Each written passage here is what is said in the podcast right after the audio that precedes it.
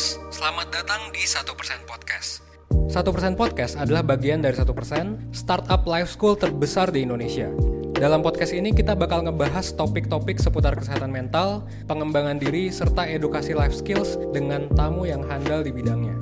Kami ingin kamu untuk bisa mendapatkan insight baru dan berkembang seenggaknya 1% setiap harinya. So that's all. Enjoy 1% Podcast untuk hidup seutuhnya.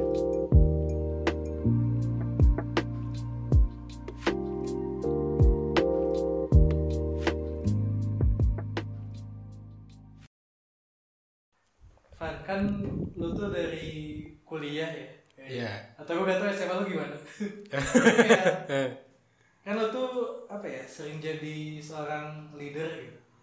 Sebenarnya enggak sih, enggak sering jadi leader. Tapi Sering. enggak cuma tiga kali kan, ketua angkatan, ketua bem. Tapi ya udah itu long term kan. Long term, terus menerus. Oke. Hmm, lumayan terus menerus sih. Oke kayak gitu. Nah terus apa ya? Gue penasaran sih tentang gimana sih cara lu gitu buat apa ya? Kan sebagai leader nih lu perlu decision making gitu. Tapi Oke. kadang tertekan juga lu harus mikir cepat gitu. Oke. Caranya? Berarti gimana caranya mikir cepat dan decision making? Oke. Sebenarnya caranya menurut gua simple guys. Enggak sih, enggak simple. caranya menurut gua ini sih, lu coba lihat aja kurikulum eh, life skills ya. Itu ada di website 1%, lu bisa cari di Google. Eh, atau bahkan di deskripsi juga kayaknya ada deh. Gitu ya. Lu bisa cek eh, level 1 dan level 2. Gitu. Karena gini, eh, menurut gua lu akan bisa mikir cepat ketika lu udah punya privilege di level 1 dan level 2. Maksudnya adalah gimana? Jadi level 1 ya. em, apa aja sih level 1 bentar. Lihat dulu guys ya. Level 1 misal nih basic personal finance dan cash flow. Lu bakal bisa mikir lebih cepat kalau lu punya duit. Gitu. Lu nggak perlu worry about money dan lain sebagainya. Kedua basic relationship, lu bakal bisa mikir lebih cepat kalau relationship lu udah secure atau diri lu udah lu udah secure lah dengan diri lu sendiri kalaupun eh, jomblo atau temen lu sedikit misalnya. Life and work infrastructure. Lu mungkin bakal lebih oke dalam mikir ketika lu udah secure dengan gadget lu ya dan lain sebagainya. Intelligence and effective thinking. Nah, ini sebenarnya intelligence and effective thinking akan lu akan lebih mudah decision making kalau terus dilatih. Dan jangan lupa juga intelligence dan effective thinking itu akan sangat dipengaruhi oleh apa? Ya orang yang stunting misalnya, orang yang stunting di Indonesia itu nggak akan bisa mikir seoke anak yang nggak stunting sih, yang misalnya tiap hari makan telur gitu. Lu coba bandingin sama anak yang tiap hari makan mie sama nasi gitu kan? Which is true ada banyak guys yang seperti itu. Anak dikasih makan mie nasi gitu ya tiap hari. Jadi kayak mereka nggak akan bisa mikir cepet.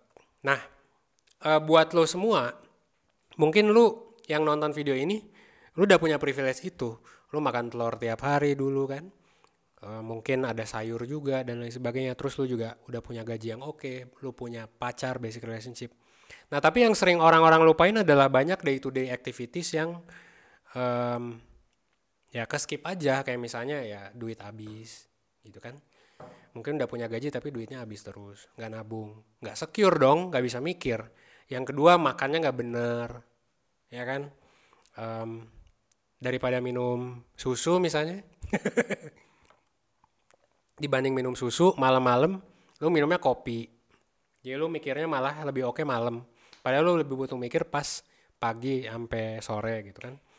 Jadi kayak banyak orang-orang yang udah privilege, udah hidup normal, tapi malah nge ngancurin otaknya dengan ya itulah eh, makanan ya, nggak olahraga, terus juga mungkin terlalu banyak duduk.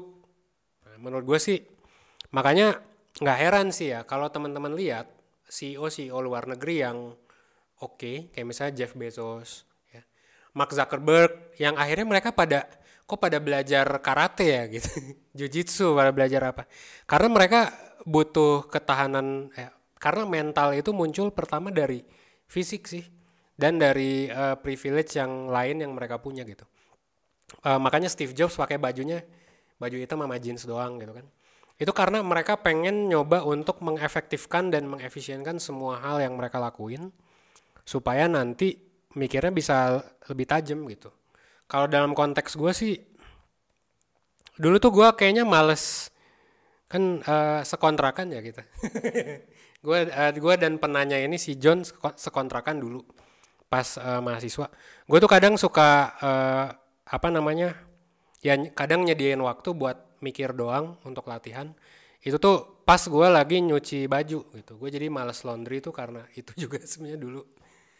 Nyediain waktu buat mikir eh, untuk istirahat sambil mikir sama gue juga kadang jarang bersihin kamar. Nah ini kontradiktif sih ya. Yang satu laundry yang satu jarang bersihin kamar. Jarang bersihin kamar karena ya gue mendingan mikir daripada bersihin kamar. Jadi kayak bersihin kamar udah seminggu sekali aja.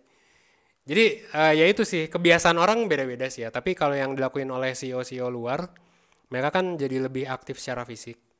Terus juga kalau gue sendiri ya gue lebih gue nyediain waktu buat mikir sama gue lebih prioritasin mikir dibandingkan hal lain yang menurut gue belum trivial waktu itu gitu. Meskipun kalau gue bisa milih ya gue sewa ART sih ya kalau gue punya duit pas mahasiswa dulu.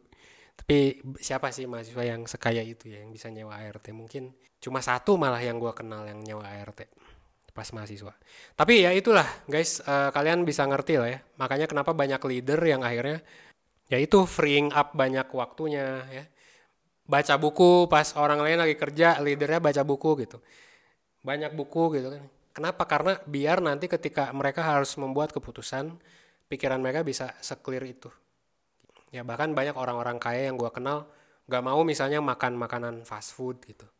Itu kayak ya banyaklah kebiasaannya emang aneh-aneh tapi uh, you get what I mean gitu kayaknya. Uh, buat teman-teman yang nonton kayaknya ngerti gitu bahwa dilatihnya tuh dari privilege sehari-hari gitu privilege dan kebiasaan sehari-hari biar pikiran kita bisa jernih ketika nanti uh, harus ditekan untuk membuat keputusan Oke, terus kalau misalkan ini kan decision nih, tadi kan kayaknya oh iya mikirnya ya tadi itu. iya Nah kalau decision gitu, itu kan tentang connecting the dot gitu ya, kalau Hmm. menurut gua gitu. iya Kayak ada pertimbangan A, B, C, D, F, G, terus jadi apa? Gitu. Nah itu?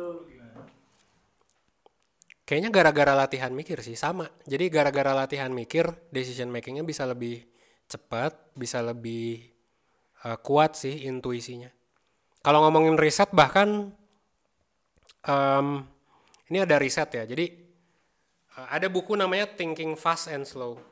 Jadi thinking fast, thinking fast itu ya ketika lu mikirnya cepat banget. Ada thinking slow gitu. Nah katanya sih thinking fast itu lebih jelek ya daripada thinking slow. Tapi ternyata ada riset terbaru yang bilang bahwa eh, kalau orang udah expert se-expert itu, dia mikir cepet pun, nebak-nebak pun, itu bakal lebih oke daripada thinking slow-nya orang-orang yang goblok lah ibaratnya gitu.